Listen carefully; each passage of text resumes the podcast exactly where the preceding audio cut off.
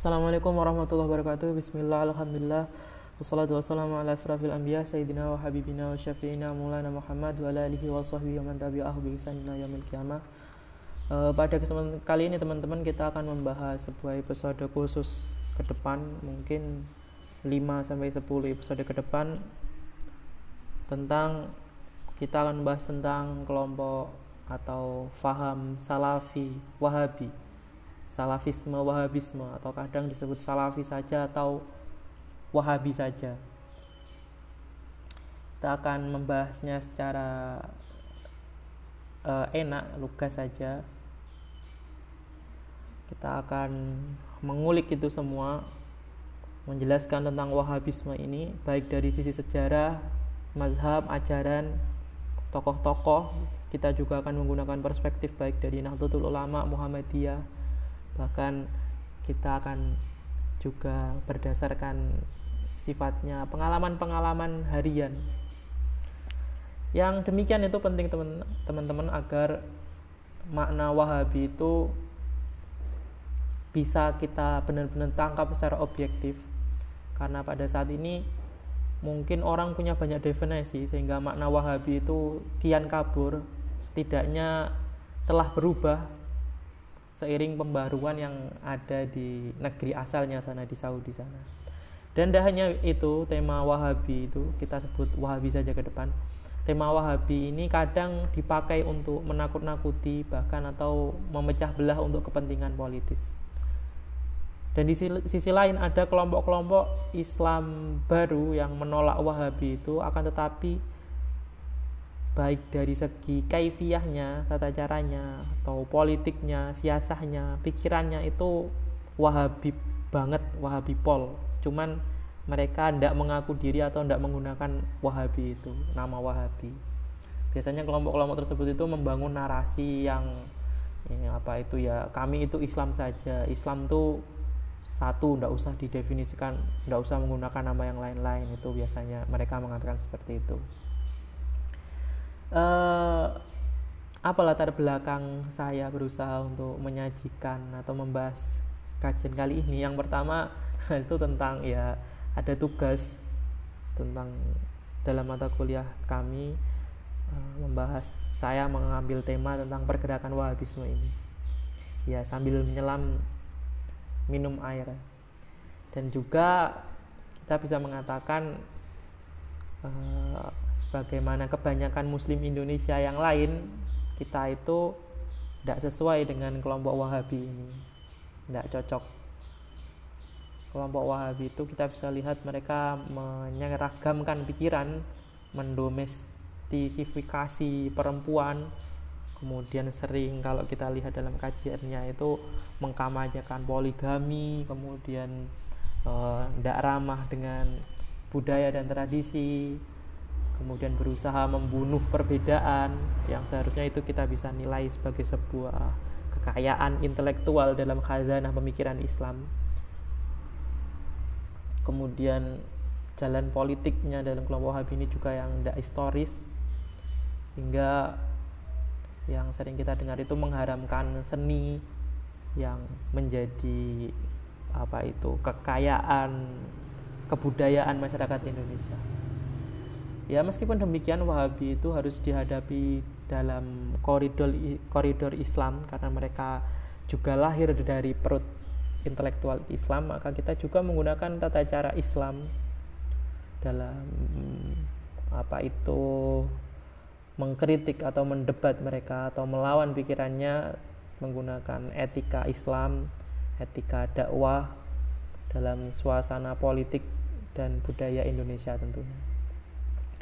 Dan dari sini kita butuh memahami dengan clear, dengan jelas apa itu uh, Wahabisme, Wahabi, kita sebut Wahabi saja. Uh, baik teman-teman. Uh, pertama kita akan membahas tentang uh, orang atau pendiri atau inisiator dari gerakan Wahabi ini. Gerakan Wahabi itu dinisbatkan kepada seorang yang bernama Muhammad ibnu Abdul Wahab. dari kepada Abdul Wahabnya Muhammad bin Abdul Wahab teman-teman itu lahir di 1703 1703 Masehi di daerah Najd daerah Najd itu di dataran tinggi yang sekarang dalam uh, kekuasaan wilayah pemerintahan Saudi Arabia Muhammad bin Abdul Wahab dibesarkan di sebuah kota oasis kecil. Bapaknya seorang kodi, seorang hakim di wilayah tersebut. Muhammad bin Abdul Wahab ketika kecil beliau menunjukkan gairah luar biasa sebagai pengkaji Al-Quran maka dia dikirim ke Madinah untuk memperdalam ilmunya di Madinah bersama para masyayikh Madinah saat itu. Dan di Madinah itu salah seorang gurunya memperkenalkan Muhammad bin Abdul Wahab kepada karya-karyanya salah seorang pemikir Islam juga namanya Ibnu Taimiyah. Ibnu Taimiyah itu seorang teolog yang berpendirian apa itu tekstualis jegang dari Suriah yang setelah apa itu kita tahu kejatuhan Baghdad, kejatuhan bencana Mongol, Ibnu Taimiyah kita kenal sebagai orang yang menyatakan bahwa Allah Subhanahu wa taala itu telah meninggalkan kaum muslimin. Karena saat itu banyak orang itu pusing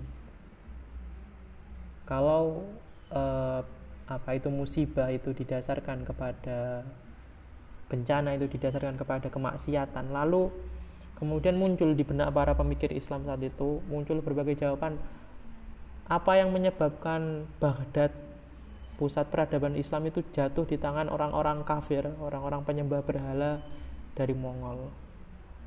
Ya muncul banyak jawaban saat itu. Salah satunya Ibnu Taimiyah tadi mengatakan bahwa uh, itu Allah Subhanahu wa taala telah meninggalkan kaum muslimin. Dia mengatakan bahwa kaum muslim harus kembali ke cara-cara yang persis dengan generasi pertama Islam. Maksudnya salafus soleh jika mereka ingin mendapatkan kembali pertolongan Allah. Dan inilah uh, kalimat asasnya Ibnu Taimiyah, kalimatnya Ibnu Taimiyah yang kemudian terngiang-ngiang di uh, pikirannya Abdul Wahab, Muhammad bin Abdul Wahab ketika masih muda saat itu. Ibnu Taimiyah teman-teman eh, setahu saya dalam literatur Islam memang seorang tokoh yang kontroversial beliau eh, banyak dikritik oleh eh, tokoh-tokoh ulama Islam saat itu dan meskipun begitu beliau kita akui sebagai seorang yang sangat produktif banyak melahirkan kitab-kitab beliau. Dan dari Madinah itu teman-teman Muhammad bin Abdul Wahab kemudian uh, pindah melanjutkan perjalanannya ketika selesai pendidikannya di Madinah. Beliau pindah ke Basrah di Teluk Persia.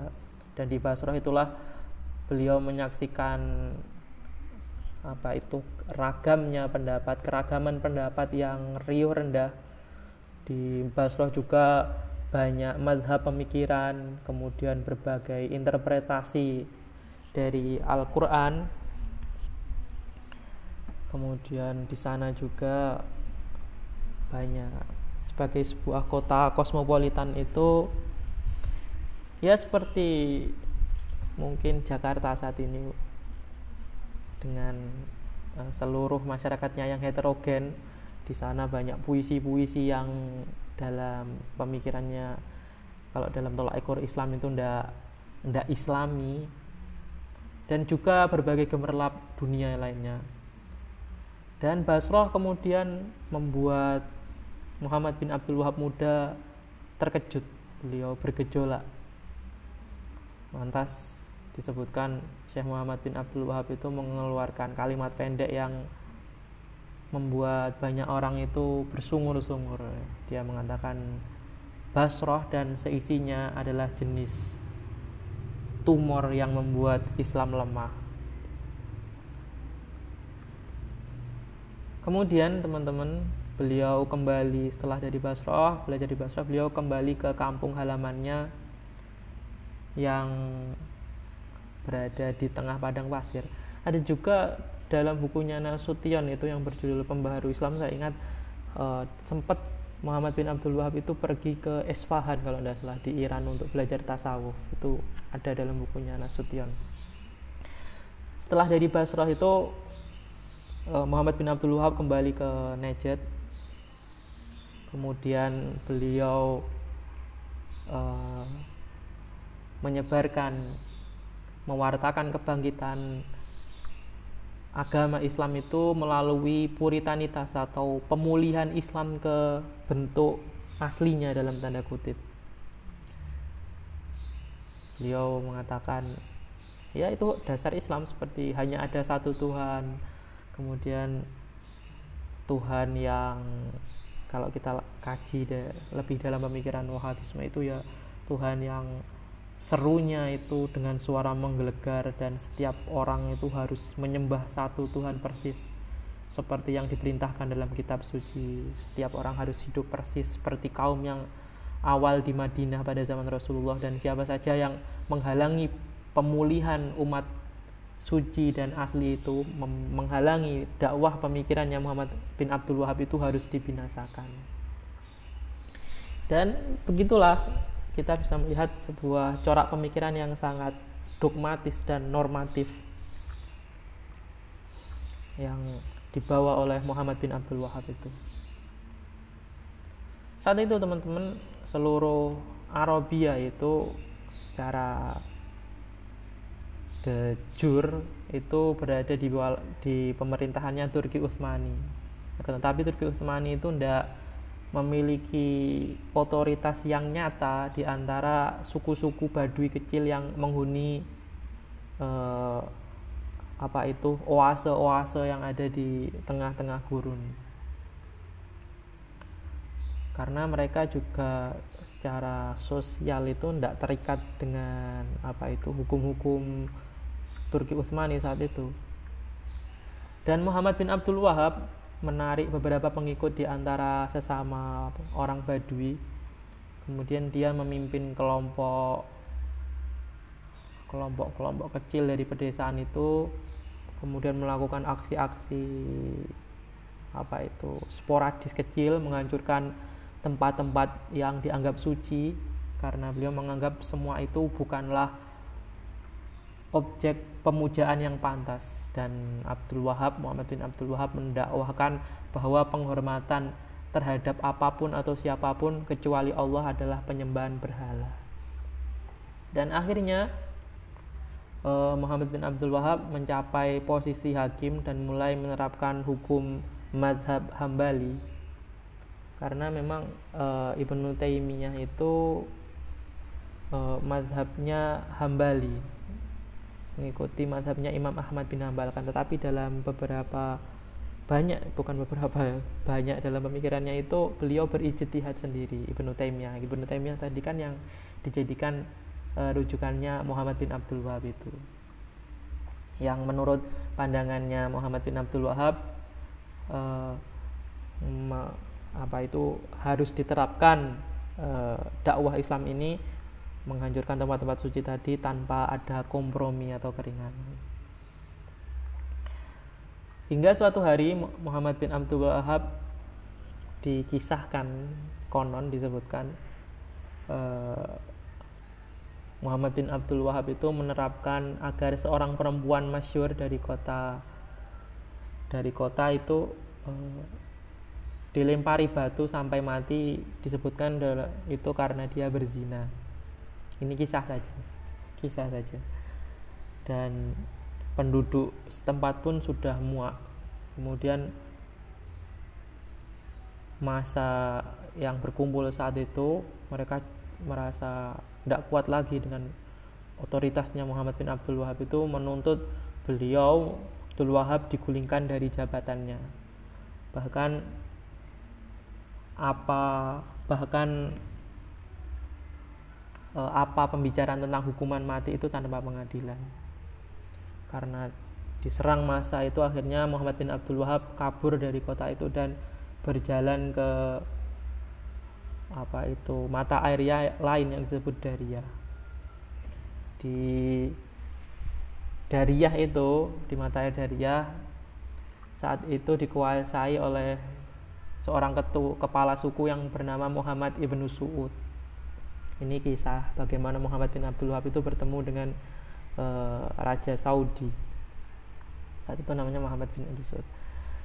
Di Dariyah itu Muhammad bin Abdul Wahab bertemu dengan penguasanya itu Muhammad ibnu Suud yang menyambutnya dengan hangat. Ibnu Suud itu seorang pemimpin suku kecil dengan ambisi yang sangat besar untuk mempersatukan dalam tanda kutip jazirah Arab.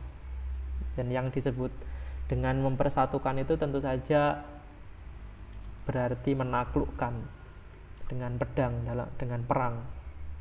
Dan dalam arti pendakwah berpikiran tunggal seperti Muhammad bin Abdul Wahab menemukan kesamaan tujuan ketika melihat uh, visi misinya Ibnu Su'ud tadi. Akhirnya kedua orang tadi membuat perjanjian bahwa kepala suku tadi Muhammad Ibnu Su'ud sepakat untuk mengakui Abdul Wahab sebagai puncak otoritas keagamaan uh, yang nanti memegang komunitas muslim di bawah kekuasaannya Ibnu Su'ud dan melakukan semua yang dia bisa untuk mewujudkan visinya. Dan Muhammad bin Abdul Wahab sendiri sepakat untuk mengakui Ibnu Su'ud sebagai kepala politik komunitas muslim.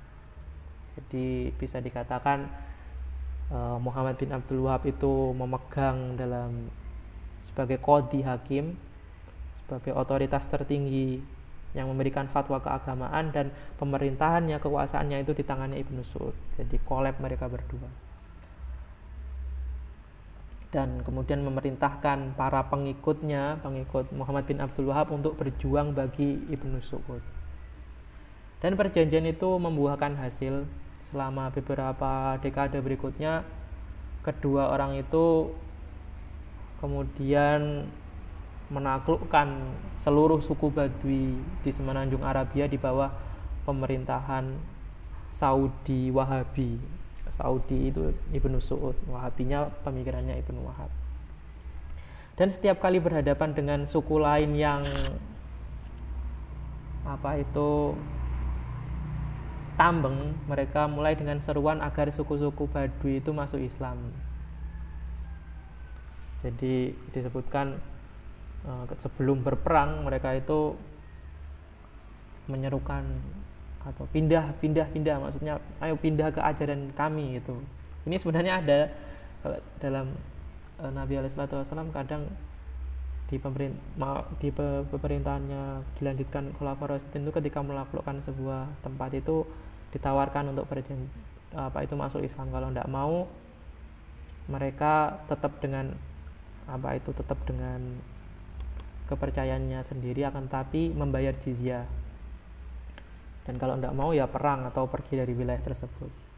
Itu diterapkan Muhammad bin Abdul Wahab secara sederhana dalam dakwahnya dengan Ibnu Su'ud dan jika peringatan tiga kali itu diabaikan eh, Muhammad bin Abdul Wahab mengatakan kepada tentaranya mereka bisa langsung membantai orang-orang yang mereka hadapi dengan dalih Allah mengizinkan pembantaian itu karena mereka adalah orang-orang kafir karena tidak mau e, masuk ke ajarannya Muhammad bin Abdul Wahab. Dan panggilan untuk pindah agama itu membingungkan suku-suku yang mereka serang pada waktu itu karena semua suku itu ya sudah masuk Islam dan mereka menganggap mereka yaitu muslim yang soleh dengan caranya masing-masing.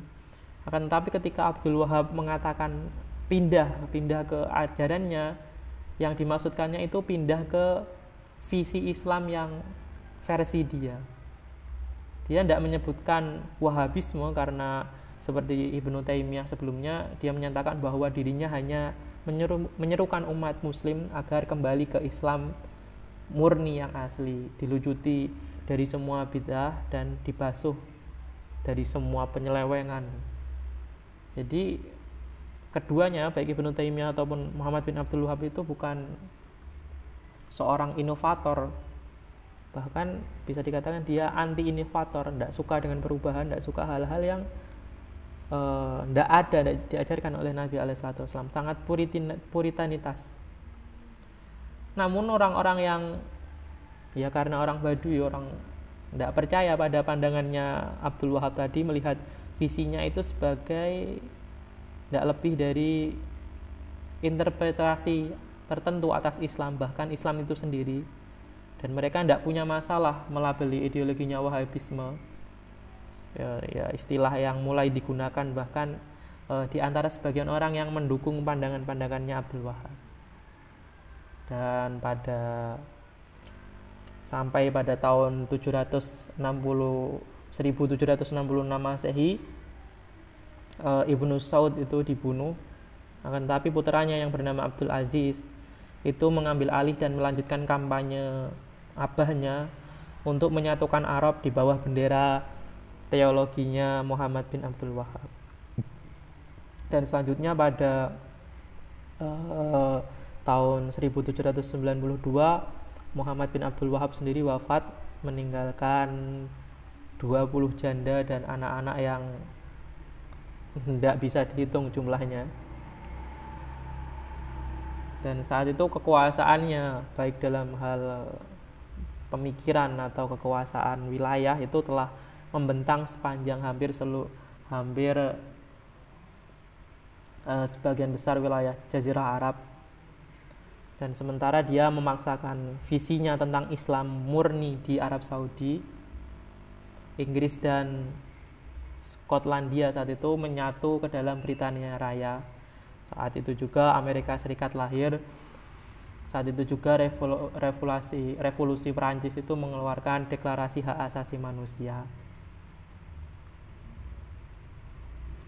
Indonesia abad itu juga mulai bangun, makin banyak pesantren, makin banyak eh, apa itu pusat komunitas-komunitas muslim, kemudian perlawanan kecil-kecilan secara sporadis pada penjajah pada Belanda dan para keluarga ulama itu makin banyak yang berpikir naik haji dan mukim sebagai santri di Haromain yang sebelumnya Anda terfikirkan. Dan pasca kematiannya Abdul Wahab, Aziz ibnu Saud, Abdul Aziz ibnu Saud itu mendeklarasikan diri sebagai penggantinya. Dan setelah menjadi amir kini ibnu Saud yang anyar yang sebelumnya hanya memegang jabatan sebagai kepala pemerintahan mendeklarasikan dirinya sebagai kepala otoritas keagamaan. Juga pada tahun 1802 Aziz ibnu Saud menyerang Karbala. Uh, Karbala itu tempat uh, tempatnya keluarga Nabi Alaihissalam keluarganya Husain dibunuh. Saat ini di Irak. Karbala itu tempat suci bagi muslim uh, saudara kita muslim Syiah. Uh, Karbala ya pusat ibadah. Di sana banyak kegiatan kegiatan-kegiatan ibadah warga Syiah khususnya 10 Muharram memperingati terbunuhnya Hussein dan saat uh, Aziz ibn Saud Abdul Aziz ibn Saud itu menyerang. Banyak dari komunitas Syiah saat itu sedang berkumpul untuk memperingati syahidnya Al Hussein yaitu Muharram 10 Muharram. Dan kita tahu sampai sekarang juga Syiah menjadi musuh nomor satu yang awalnya dikarenakan dinilai. Namun Syiah menempati peringkat yang tinggi dalam daftar orang-orang yang telah merusak Islam menurut versinya Muhammad bin Abdul Wahab dan karena alasan tersebut setelah menaklukkan Karbala eh, Abdul Aziz bin Saud untuk membantai sekitar 2000 penduduk Syiah di situ. Ini juga selain motif politik juga disebutkan yaitu karena permusuhan teologi antara Wahabi melawan Syiah atau juga setidaknya Wahabi saja yang merasa Syiah itu sesat. Dan kemudian tahun 1804 Abdul Aziz bin Saud menaklukkan Madinah pertama Pertama-tama yang dijadikan sasaran itu kuburan. Kuburan makam para sahabat, makam Nabi Alaihissalam itu dihancurkan. Dan di Madinah itu dari Madinah pasukan Saudi Wahabi itu bergerak ke Mekah dan di sana mereka menghancurkan sebuah tempat suci yang seharusnya menandai tempat lahirnya Nabi Muhammad Shallallahu Alaihi Wasallam jadi tidak mungkin kalau tempat itu kemudian menjadi pusat penyembahan berhala Nabi Muhammad. Dan selama berada di kota itu, Ibnu Suud memanfaatkan kesempatan untuk melaksanakan ibadah ibadah haji di Ka'bah. Dan kemudian pada 1811 Masehi tahun 1811 aliansi dari Saudi dan Wahabi itu mulai menyusun kampanye yang baru yaitu mereka akan menyerang ke Asia Kecil yang saat itu Asia Kecil ke Turki yang saat itu pusat pemerintahannya Kekaisaran Turki Utsmani. Dan kini akhirnya setelah bertahun-tahun diabaikan oleh Turki Utsmani karena dianggap cuma sebagai sebuah pergerakan kecil yang tidak berarti Sultan Utsmani memberi perhatian pada gerakan Wahabi. Dan untuk menghadapi lonjakan kaum Badui tersebut uh, Sultan Utsmani memanggil Muhammad Ali uh, gubernur Mesir untuk membantu menumpas gerakan Wahabi tersebut Muhammad Ali dari Mesir membawa tentara modernnya yang uh, disiplin yang elit ke Saudi pada 1815 1815 itu kalau tidak salah juga berakhirnya karirnya Napoleon Bonaparte di Waterloo. Dan 1815 itu Muhammad Ali dengan pasukannya menghancurkan pasukannya Ibnu Suud dan kemudian memulihkan uh, kekuasaan Utsmani atas Mekah dan Madinah. Dan setelah itu dua kota suci itu kembali membuka diri bagi para peziarah muslim dari setiap aliran atau setiap madhab yang sebelumnya diisolasi oleh atau dikuasai oleh uh, pasukan Saudi Wahabi. Selanjutnya setelah menangkap seluruh pemberontak termasuk pemimpinnya yaitu Abdul Aziz ibnu Saud, dia mengirimkan Abdul Aziz ibnu Saud putra Aziz ibnu Saud dan penerusnya ke Istanbul untuk diarak di hadapan khalayak yang kemudian dihukum mati. Keluarga Abdul Aziz itu dihukum mati dan setelah itu tidak banyak lagi yang terdengar tentang aliansi dari Saudi Wahabi itu selama sekitar satu abad. Tapi aliansi keduanya tidak mati. Kepala suku yang dieksekusi itu tadi putra Aziz Abdul Aziz bin Saud itu memiliki seorang putra yang mengambil alih sisa-sisa kekuasaannya Saudi. Namanya Kiwari dia hanya kepala suku yang ke, kepala suku kecil namun dia tetap seorang Wahabi. Dan di mana pun seorang Wahabi itu dia masih bisa memaksakan otoritasnya. Dan meskipun Muhammad bin Abdul Wahab telah mati kemudian apa itu pemimpin pemerintahannya Abdul Aziz bin Saud juga sudah mati akan tapi pemikirannya yang sudah berkembang menyebar di berbagai wilayah itu tetap eksis dan tetap hidup. Itu teman-teman bisa mengambil referensi dari berbagai buku seperti bukunya Hamid Al-Ghar yaitu Habism A Critical Essay. Kemudian dari Indonesia ada jurnalnya Riza Bakhtiar yaitu Etika Wahabian dan Etika Protestan. Sebelumnya juga saya sudah membaca uh, jurnal dari siapa ini? Jurnalnya Mansur Mangasing yang berjudul Muhammad Ibnu Abdul Wahab dan Gerakan Wahabi. Ada juga tokoh-tokoh uh, apa itu dari barat seperti Henry Lazir dalam bukunya The Making of Salafism and Islamic Reformment in the 20th Century terbitan Columbia Press tahun 2015